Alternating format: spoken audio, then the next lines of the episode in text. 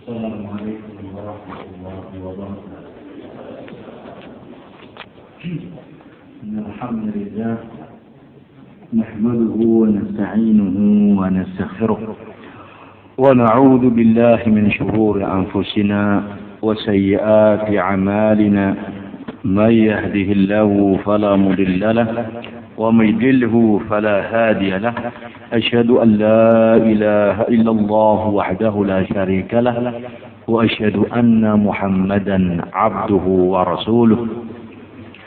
أما بعد فإن أصدق الحديث كتاب الله وخير الهدي هدي محمد صلى الله عليه وسلم وشر الأمور محدثاتها فإن كل محدثة بدعة وكل بدعة ضلالة وكل ضلالة في النار أما بعد Hadirin kaum muslimin rahimani wa rahimakumullah jami'an.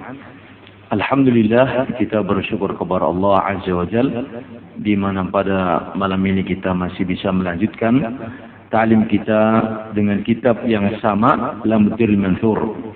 Sampai pada pembahasan tentang peringatan dari para salaf agar kita jangan bermajlis atau berduduk-duduk bergaul dengan ahlul bid'ah. Dan juga pembahasan tentang penyebutan ahlul bid'ah atau orang-orang yang melakukan keburukan ketika mereka terang-terangan itu adalah bagian dari hal yang diperbolehkan bahkan disyariatkan. Dalam rangka untuk melindungi kaum muslimin dari keburukannya mereka bahkan sampai bidik rasmahim menyebut nama-nama mereka itu bukan termasuk dari bagian apa? riba. Bab ini sudah panjang yang disampaikan mukaddimahnya, berulang kali kali ulang. Mudah-mudahan bisa difahami oleh kita semuanya. Cuman kadang kala ada yang baru mendengar, ada yang baru datang, sehingga sangat-sangat uh, membutuhkan diberikan mukaddimah agar supaya jangan salah faham agar jangan ada tuduhan oh majlis kita ini adalah majlis ghibah. Karena akan menyebut contoh-contoh nama-nama orang-orang tertentu zaman dulu yang mereka telah sesat dan diperingatkan oleh para ulama dari kesesatannya. Bahwa itu bukan ghibah yang diharamkan walaupun bentuknya menyebut kejelekan orang tapi ketika pelakunya pelaku dosa yang terang-terangan, maka hal itu termasuk yang dikecualikan dari riba yang diharamkan. Masih ingat pembahasannya kaum muslimin? Ya. Kita masuk sekarang kepada yang berikutnya. Nomor ke-380. Ala Rasulullah alaihi salatu wasalam dalam hadis Al-Bukhari nomor ke 5685 dan nomor-nomor yang lainnya Rasul mengatakan bi'sa ahul ashirah. Bi'sa ahul ashirah. Artinya orang ini adalah sejelek-jelek orang. Ahu adalah saudara al-ashirah keluarga. Orang ini adalah sejelek-jelek orang saudara yang dia adalah bisa sejelek-jelek orang. Kalimat ini dari kaum muslimin disebut oleh Rasul alaihi salatu wasalam terdengar oleh Aisyah dan disebutkan oleh Aisyah kepada yang lainnya sampai hari ini kita bisa membacanya. Nabi alaihi salatu wasalam menyebut orang ini sebagai orang yang jelek karena orang ini adalah orang yang memang diketahui kejelekannya dan berbahaya. Syarah hadis ini menyebutkan orang ini adalah munafik. Yang Nabi hendak memberitahukan kepada para sahabat hati-hati dari orang ini. Orang ini adalah munafik. Ini menunjukkan bahwasanya memperingatkan kaum muslimin dari bahaya kesyirikan, dari bahaya kekafiran, juga dari pelaku. Kaum muslimin diperingatkan dari para musyrikin. Musyrikin orang-orang yang syirik. Kaum muslimin diperingatkan awas Bahaya bergaul dengan kafirin, orang-orang yang kafir. Anda bisa merubah akidah dengan bergaul dengan mereka. Demikian pula kaum muslim diperingatkan hati-hati kalian dari munafikin. Munafik itu bahaya orangnya. Dia menampakkan Islam di depanmu. Padahal dia benci kepada Islam. Demikian pula dengan pelaku kebidahan. Hati-hati kalian kaum muslimin. Jangan sampai kalian terseret pada bid'ah gara-gara bergaul dengan ahli bid'ah. Begitulah yang namanya dinul Islam. Memberikan peringatan-peringatan dari keburukan-keburukan. Ini berkaitan dengan urusan dinia yang akibatnya adalah berkaitan dengan ukhawiyah. Diniyah itu berkaitan dengan urusan agama yang berakibat kalau kita tidak waspada akan rusak urusan akhirat kita. Kita pernah atau sering mendengarkan awas dari curanmor. Curanmor itu apa? Pencurian motor. Awas. Kenapa? Karena membahayakan orang ini. Waspada, harus dikunci ganda, nah, dikunci stang, dikunci rantai, dikunci kalau bila perlu ditambah lagi yang berganda-ganda. Ya sudah rantainya, ya kot apanya, uh, apa, rujinya, macam-macam sudah. Ditutupi maning di kandi umpamanya bang. Bentra keton. Nah. Artinya bahwa kaum muslimin banyak peringatan-peringatan awas hati-hati narkoba, awas hati-hati curanmor, awas ini dibutuhkan oleh umat yang seperti itu. Hati-hati, ini uh, penyalahgunaan ini. Hati-hati ini, hati sering kita dapati. Waspada. Itu dibutuhkan oleh. Itu dalam urusan duniawiyah yang biasanya membuat uh, seperti itu ya dari kalangan yang berwenang seperti kepolisian. Himbuan-himbuan untuk kita berhati-hati dari jamret, dari berbagai macam. Ya. Awas jangan tinggalkan barang yang berharga di mobil. Awas seperti ini bermanfaat tidak Pak? Bermanfaat peringatan. Awas ini, awas itu. Urusan duniawi. Sudah diperingatkan jauh-jauh hari sebelum terjadinya musibah menimpamu diperingatkan. Apalagi dari bahaya-bahaya yang mengancam agama. Seperti kaum munafik. Seorang di antara kita seandainya punya teman munafik, bahaya luar biasa. Bisa memasukkan pemikiran-pemikiran yang mengakibatkanmu untuk memusuhi Islam. Lambat laun tanpa terasa. Awalnya teman ini menunjukkan keislamannya. Kita bergaul, kita berkumpul, kita bercengkrama, berbicara. Satu saat dia memasukkan uh, virusnya.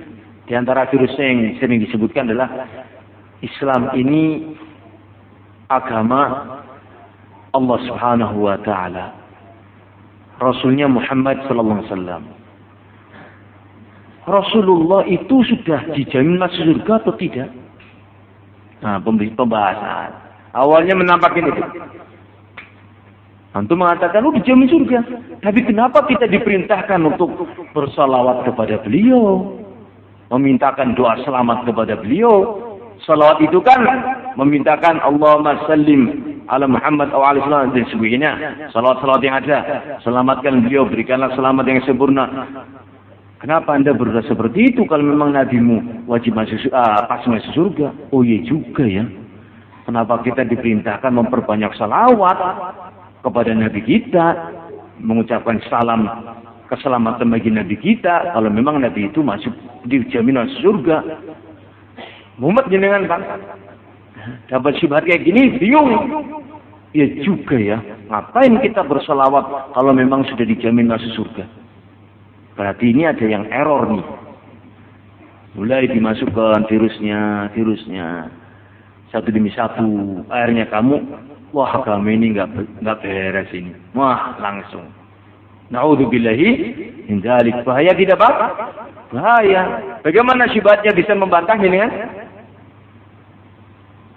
Jenengan kalau mengucapkan sallallahu alaihi wasallam artinya apa? Semoga Allah melimpahkan salawat kepada beliau dan memberikan keselamatan kepada beliau. Ini doa atau bukan? Doa. Mendoakan siapa? Rasul alaihi. Kalau sudah dijamin masuk surga, ngapain didoakan oleh umatnya? Kenapa kita diperintahkan untuk mendoakannya? Ya, betul? Gila, terus bagaimana Pak? Bisa jawab? Ini syubhat ecek-ecek Pak. Hah? Bismumet kita. Urusan Allah pasti surga sesuatu yang pasti hak adanya. Sudah ada nafsnya tentang beliau. Sebutkan Nabi Rasulullah SAW Awalu man yadkhulul jannah. Orang yang pertama kali masuk surga adalah dia. Kumtu indal babil, babil jannah. Aku berdiri di pintu surga. Fastastiha aku meminta untuk dibukakan pintu surga itu. Malaikat penunggu pintu surga tersebut bertanya, mana anta? Siapa engkau? Ana Muhammad sallallahu alaihi wasallam. Maka malaikat tersebut mengatakan, "Bika umirtu walan aftahu qabla kali ahadin." Aku diperintahkan Allah membuka pintu surga ini pertama kali untukmu dan belum pernah aku buka untuk orang lain sebelummu. Masih yang jelas kepastian belum masuk surga. Pembahasan kita diperintahkan bersolawat, mengucapkan salam kepada Nabi karena itu bermanfaat bagi kita. Ini dia. Man shalla alayya syafaat yaumil qiyamah. Siapa yang berselawat kepadaku kata Nabi, maka akan akan dia mendapatkan izin dari Allah guna mendapatkan syafaatku. Urusan kita berselawat adalah urusan kita, kaum muslimin, untuk mendapatkan izin dari Allah guna mendapatkan syafaatnya siapa? Muhammad Rasulullah sallallahu alaihi wasallam. Sehingga ini urusan yang pasti, ini urusan yang pasti juga. Ini syariat mengucapkan salawat, bukan perkara yang tidak diperintahkan. Bukan karena Nabi kita, oh belum tentu masuk surga ya, sehingga dibutuhkan untuk kita doakan. Bukan itu pembahasannya Pak. Bisa dipahami? Hmm, gitu. Semuanya harus didudukan pada tempatnya masing-masing. Kasar kamu menafik memang konangan. Ya kalau jenengan sadar ini orang munafik. Kalau tidak, besok kena virus lagi, virus lagi, virus lagi. Wah, akhirnya kamu jadi munafik. Na'udzubillahi min. Rasulullah memperingatkan kita dari munafik. Diper, di, di, di, dibenarkan atau tidak? Dibenarkan. Bisa. Abul Ashira. Orang ini sejelek-jelek orang ini. Di kalangan saudaranya paling jelek. Kau muslimin paling jelek orang ini. Kenapa ya Rasulullah munafik orang ini? Ada ikhwan. Ini contoh. Nabi kita memperingatkan para sahabatnya dari individu orang langsung. Kalau yang kemarin dari sosok yang bernama Zulkhuwaisirah. Cikal bakalnya kaum Khawarij. Qala Abdullah bin Mas'ud radhiyallahu anhu. Poin yang ke-381. من أحب أن يكرم دينه فليعتزل مجالسة أصحاب الأهواء فإن مجالستهم ألصق minal jarabi. Berkata Abdullah bin Mas'ud radhiyallahu anhu, "Man ahabba barang siapa yang mencintai atau menyukai atau menginginkan ayukrima dinahu untuk memuliakan agamanya. Barang siapa yang ingin memuliakan agamanya, maka hendaknya dia yaktajil menjauhi mujalah satu ashabil ahwa untuk duduk-duduk dengan para pengikut hawa nafsu Kenapa? Baina mujalasatahum karena duduk-duduk dengan pengikut hawa nafsu Sungguh itu lebih alsaf, lebih lengket daripada al-jarab, daripada kudis yang mengeluarkan tanah dan air yang lengket. Kalau muslimin jami'an, kalau kita duduk bersama orang yang penyakitan seperti itu, kita nempel-nempel atau menjauh-jauh, Pak? Kalau nempel akan terasa mandan sedikit lengket, betul Pak? Lengket. Nah, nah dalam urusan kesehatan kita diperintahkan untuk apa? Menjauhi orang-orang yang memiliki penyakit-penyakit yang penyakit tersebut bisa menular. Tentunya menularnya penyakit dengan izin siapa? Allah Subhanahu wa taala. Ini dalam urusan apa? Kesehatan. Nabi kita mengatakan, "Fir minal majdumi firarika minal asad." Larilah engkau dari orang-orang yang terkena lepra sebagaimana engkau lari menghindar menjauh dari harimau. Jenengan bunak teh kecokot macan pak. Jangan pernah. Bagaimana caranya? Menjauh kata Nabi, menjauhi. Ajar macan jauhi, jangan sampai digigit macan. Jangan kamu mengatakan, lo nggak apa-apa, macan ini kan teman saya. Ngecek-ngecek, ngecek, pasti cakot, jerit, lara, ya kaus. Ya, diperingatkan. Ini dalam kesehatan Nabi kita memerintahkan kita menghindar menjauh dari orang yang terkena, penyakit lepra yang seperti itu. Apa, bahasa gitunya apa? Kusta atau yang semisalnya. Agar engkau tidak terkena penyakit tersebut. Kenapa? Kalau engkau bergaul sama orang yang seperti itu, dengan izin Allah dan atas kehendaknya, bisa terjadi penyakit pada pihak orang itu, masuk ke tubuhmu. Bukan masuk dengan sendirinya. Karena yang menciptakan alam semesta dan yang mengaturnya adalah siapa? Allah Azza wa. Nah supaya kamu tidak terkena penyakit itu, kamu lari darinya. Ini urusan apa? Kesehatan. Orang betul-betul sangat perhatian sekali. Seminar kesehatan, seminar kesehatan. Takut dari yang namanya kolesterol. Wah, oh, sudah kolesterol bahaya begini-begini sampai akhirnya gak mau makan malam. Ya, Makanya cuma sekali siang toh. Kalau malam umil. Hmm, umilnya sampai sekilo, dua kilo lebih pak. Akhir tips kesehatan luar biasa. Dalam rangka apa engkau? Selamat dari penyakit. Tapi kenapa engkau masih duduk dengan alul bid'ah? Anda tidak waspada dari penyakitnya alul bid'ah. Yang itu lebih awsok, lebih berbahaya. Lebih cepat lengketnya. Satu kali majelis kamu dengan al-bid'ah langsung lengket. Bak seperti karet. Tidak bisa lepas kamu. Dengar satu syubhat saja sudah lepok-lepok. Ngerti lepok-lepok Pak? Artinya tidak bisa berkutik. Wah, iya juga ya. Iya juga ya. Akhirnya kamu nggak bisa lepas. Siapa yang akan mengobati syubhat yang sudah masuk pada tubuhmu? Siapa? Seorang ustadz belum tentu itu semua atas kehendak Allah Azza wa Jalla. Betapa banyak orang yang sudah ngaji lama, kemudian dia bergaul dengan al-bid'ah, terkena syubhat dan tidak ngaji lagi. Tidak ada kemampuan manusia. Semua itu kembali kepada Allah Azza wa Jalla. Sehingga kalau kita mendekati penyakit bisa tertular, apalagi mendekati al-bid'ah yang lebih lengket penyakitnya. Begitu masuk ke benak kita, cepat langsung. Kapan copotnya ini? Kapan akan bersih hati kita darinya? Lebih berbahaya dari sekedar hanya sekedar kusta, lepra, gudik, nama, dan sebagainya. Kalau kena penyakit kusta, lepra, yang jenisnya gara-gara kita mendekati orang yang berpenyakit, itu musibah badan. Itu lebih ringan daripada Anda bergaul dengan al bid'ah, kena musibah bagian apa? Agamamu.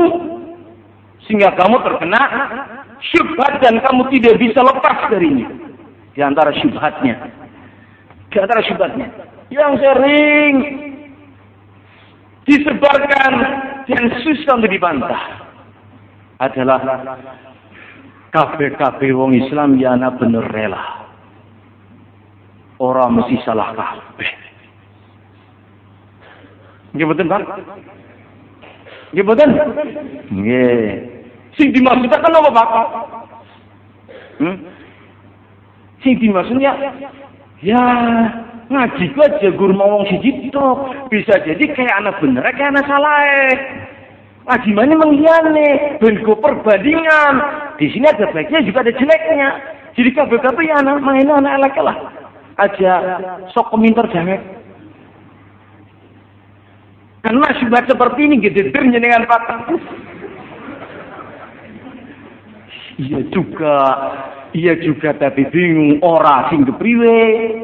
Hanya satu syubhat. Anda langsung akhirnya terbuka. Oh iya iya, ngaji ke mendingdi bae lah. Aja dulu si tok. Ngomong kalingane salah, luput malah. Langsung antum menjadi ikhwan muslimin tulen. Tidak ada kehati-hatian dalam rangka tolabul ilmi. Terbuka lebar jiwa mau menerima semua hal. Akhirnya penyakit berikutnya, perbedaan itu satu hal yang wajar-wajar saja. Gak mungkin orang itu sama. Ung buah saja macam-macam, ada jambu, ada jeruk, ada semangka, ada macam-macam kok. Saling melengkapi. Syubat lagi bukan Pak? Syubat lagi.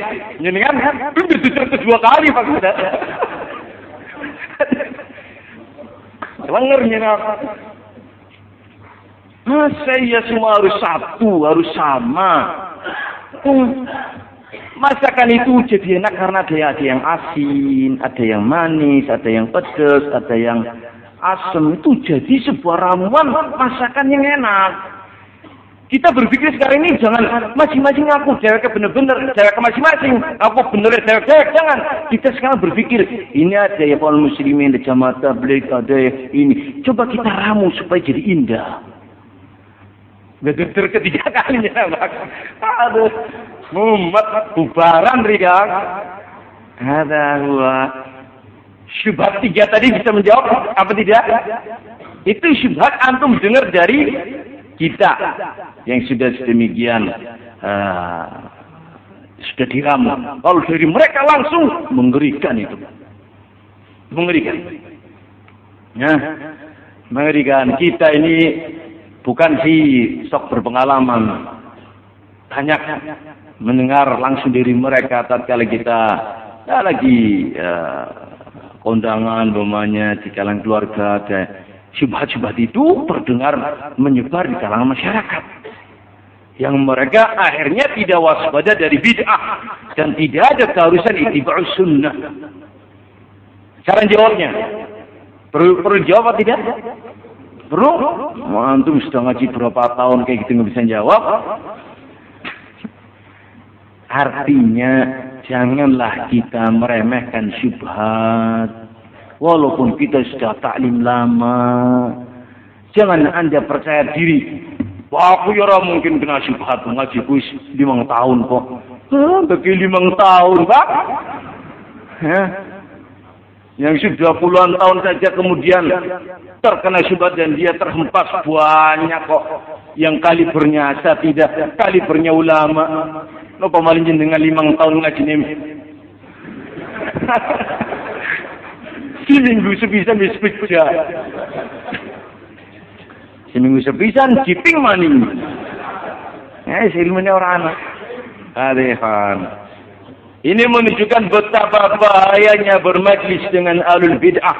Kalau kamu ingin memuliakan agamamu, menjaga agamamu, menjaga kewajiban ittiba'us sunnah, menjaga keyakinan wajib meninggalkan bid'ah, yang dolal jauhi, yang hak ikuti. Kalau kamu ingin menjaga ini, jauhi, duduk dengan ahlul bid'ah. Jauhi. Kalau anda tidak meramalkan yang seperti ini, dan kemudian memudah-mudahkan duduk dengan al-bid'ah atau orang yang tidak jelas manhajnya, Anda akan korbankan agamamu.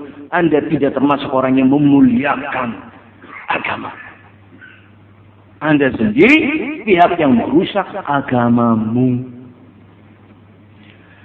Perihal syubhat yang tadi saya sebutkan bertanggung jawab untuk membersihkannya ya muslimin. Yang pertama ucapan apa tadi? Saya lupa syubhatnya Pak. Syubhat itu banyak sih. Di antaranya tadi saya sampaikan adalah uh, perbedaan itu adalah satu hal yang lumrah. Hal yang biasa. Jangan diperdebatkan. Jawabannya sangat gampang ya kaum muslimin. Nabi Alaihissalam memberitahukan umat ini menjadi 73 golongan artinya berpecah belah sebanyak 73 golongan. Kalau Nabi punya pola pikir sepertimu, perpecahan itu nggak apa-apa, wajar-wajar saja. Dia akan mengatakan semua masuk surga nggak apa-apa, 73 golongan. Yang penting kan semuanya masuk surga. Ternyata Nabi mengatakan kulluha finnar. Semua itu di neraka. Menunjukkan perbedaan dan perpecahan itu tercelah. Menyebabkan masuk neraka. Karena perbedaan yang menimpa 73 tersebut adalah dalam perihal tata cara beragamanya. Nabi mengatakan Kulluha binar kecuali satu. Kulluha semuanya binar illa wahidah kecuali satu. Yaitu sebuah ajaran yang aku dan para sahabatku hari ini lakukan. Yang 72 berbeda dengan Nabi dan para sahabat. Mereka binar.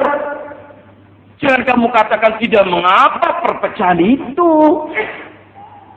Bisa dipahami hadirin? Ya, perpecahan kok tidak mengapa. Beda dengan Nabi dan para sahabat menyebabkan binar. Oh, tapi kan mengatasi sholat. Iya, betul memang. Ada beberapa orang bela diri. Oh, orangnya masih sholat kok, masih zakat puasa haji. Bahkan haji ini bilang-bilang daripada kuat. Kok suruh haji? Ngelemat ngebelat lagi banget apa sih Nabi mengatakan 72 finar itu min ummati dari umatku, umat Islam. 72 umat Islam finar dikarenakan 72 itu cara beragamanya berbeda dengan Nabi dan para sahabat. Yang mereka masih sholat masih zakat rukun Islam rukun iman. Tetapi dalam menerapkannya berbeda dengan Nabi dan para sahabat. 72 itu masuk neraka gara-gara itu. Bukan karena kesyirikannya bukan karena kekafirannya sehingga salah kalau Anda mengatakan perpecahan itu tidak mengapa. Bisa dipahami hadirin? Sudah kebalik lagi atau belum? Hah? Kemudian menimba ilmu. Ambil ilmu itu dari semua pihak. Kan namanya orang nggak semua benar. Ada benernya, ada salahnya. Jawabannya kaum muslimin. Kalau kita mengambil ilmu dari semua pihak pihak-pihak tersebut adalah orang-orang yang tidak jelas umpamanya. Apakah engkau akan memilih barang dari tempat yang tidak jelas, yang tidak terpercaya? Milih barang urusan duniawi, Pak. Arab tuku barang. Milih toko tidak, Pak? Milih toko. Milih penjual yang terpercaya tidak? Memilih, memilih Pak. Ini toko bagus. Tetapi di sini ada penipunya ada unsur penipunya, ada unsur menutupi barang yang cacat. Ini ini tokonya ya ada bagusnya tapi kejelekannya banyak. Carilah toko yang betul-betul murni, bersih, bermutu, berkualitas bagus, dan dan yang lainnya. Terpercaya. Ini dalam urusan duniawi.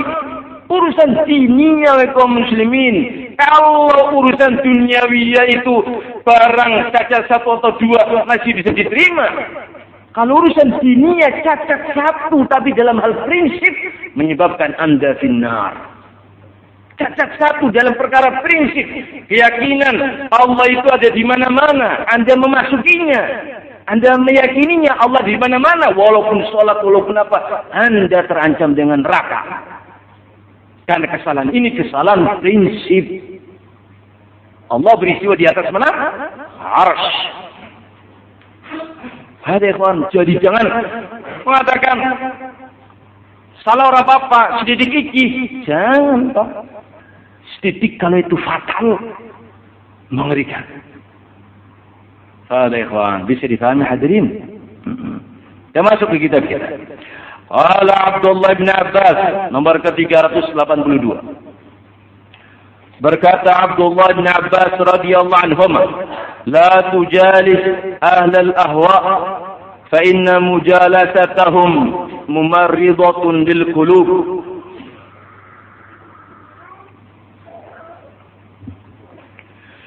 Berkata Abdullah bin Abbas radhiyallahu anhum, "La tujalis ahlul ahwa. Jangan engkau duduk bersama ahlul ahwa. Ahlul ahwa pengikut hawa nafsu. Kalau disebut ahlul ahwa berdiri sendirian seperti dalam hadis A ucapan Ibn Mas'ud tadi dan ucapannya Ibn Abbas ini yang dibawakan dengannya dua golongan. Ahlul ahwa ketika dia berdiri sendiri. Hati-hati kalian dari ahlul ahwa. Pengikut hawa nafsu. Yang dimaukan dengannya dua hal. Yang pertama, pengikut syahwat. Syahwat itu zina, khamar, narkoba, pencurian, dan yang lain. Mafia, syahwat. Dan yang dimaukan yang kedua adalah syubuhat. Orang yang rancu agamanya, rusak akidahnya, rusak ibadahnya dari kalangan ahlul bid'ah masuk juga dalam kalimat ahlul ahwa. Karena hawa nafsu terbagi menjadi dua, syahwat dan syubuhat. Kalau syahwat berkaitan dengan dosa-dosa besar, kalau syubuhat berkaitan dengan kesalahan dalam perihal keagamaan dalam hal ini adalah kebid'ahan kebid'ahan masuk padanya kekufuran masuk padanya kesyirikan dan kemunafikan ya. Janganlah engkau bermajlis dengan ahlul ahwa. Fa inna mujalasatahum karena sesungguhnya bermajlis dengan ahlul ahwa itu adalah mumarribatun. Hal yang akan membuat sakit filil kulub bagi hati. Akan membuat penyakit dalam hati. Penyakit hati itu apa Pak? Penyakit hati. Hati bengkak. Hati kanker hati. Hati bocor. Itu hati ini Pak. Ya. Ada peringatan jangan merokok. Nanti kena kanker apa? Paru-paru dan hati dan jantung dan yang lainnya. Hindari merokok. Hati-hati. Ya, ben kapok aja ngerokok maning sedot nalpot lah. Digas wah kan kapok. Ya. Kau mesti menjemian. Perhatikan ke sini. Amrodul qulub penyakit hati itu yang paling tinggi dosa yang mengkalkan. Penyakit hati kesyirikan. Penyakit hati kekufuran. Penyakit hati kemunafikan. Kita diwajibkan membersihkan jiwa dari penyakit-penyakit tersebut. Itu yang pokok. Ya. Ada beberapa orang yang mendendangkan sebuah nyanyian. Jagalah hati Jangan kau kotori, begitu Pak kan? Tetapi dia mengotori jiwa. Yang menyebutkan baik syari itu mengotori jiwa. Dia menjaga hati dengan zikir-zikir tanpa membekali hati dengan tauhid. Dia memaknakan mensucikan jiwa, dia memperbanyak zikir. Betul itu zikir, tetapi dia mengotori dengan apa? Kebidahan. Ya dia tidak menjaga kesucian apa? Hati namanya kotori jiwa, kotori jiwa dengan kebidahan. Itu yang dia lakukan, yang dia dendangkan karena dia memang melakukan kebidahan itu muslim. Parodikum bermajlis dengan orang yang suka zina akan menimbulkan dalam hati suka zina. Bermajlis dengan orang yang suka judi akan membuat penyakit suka apa? Judi kepelu-pelu terbawa bermajlis dengan orang yang narkoba tertular menjadi narkoba pula Demikian pula bermajelis dengan al-bid'ah. Anda akan tertular menjadi al-bid'ah. Dan itu adalah penyakit hati. Orang bermajelis dengan al-bid'ah. Bergaul dengan al-bid'ah. Belajar dengan al-bid'ah. Kok jadi ahli sunnah? Ya nggak mungkin, Pak. Orang itu sesuai dengan cetakannya. Cetakan ngerti, Pak? cetakannya. Cetakannya seperti itu ya akan menjadi seperti itu. Rasul mengatakan dalam hadis akhir kita baca. Yang namanya uh, al-qulub junudun junudun mujannadah. Hati ini kaum muslimin, hati uh, disebutkan al-arwah kata Nabi. Jiwa-jiwa manusia itu bagaikan pasukan perang. Artinya bagaimana? Fama i'talafa ya. Selama mereka bersama, selama mereka sama, selama mereka uh, memandang sesuatu itu sama pandangnya, mereka akan bersama-sama. Tetapi selama mereka berbeda akan berpisah. Itulah pasukan. Ta'arafi minha i'talafa wa ma tanaqara minha ikhtalafa. Itu jiwa. Kalau jiwa kita isinya sama akan bersatu. Kalau jiwa itu isinya beda akan berpisah. Kalau jiwa-jiwa ahli sunnah ya, itibau sunnah, di atas sunnah akan bersatu mereka di atas sunnah. Jiwa-jiwanya bid'ah akan bersatu pula di atas apa? Bid'ah. Berarti kalau berbeda, ada orang hatinya ahli sunnah, duduk di kalangan orang-orang yang hatinya alul bid'ah dan bersatu. Tidak mungkin. Bisa dipahami hadirin? Karena apa? Ahlus sunnah tidak akan ridho dengan bid'ah. Ahlul bid'ah pun tidak suka dengan ahlus sunnah.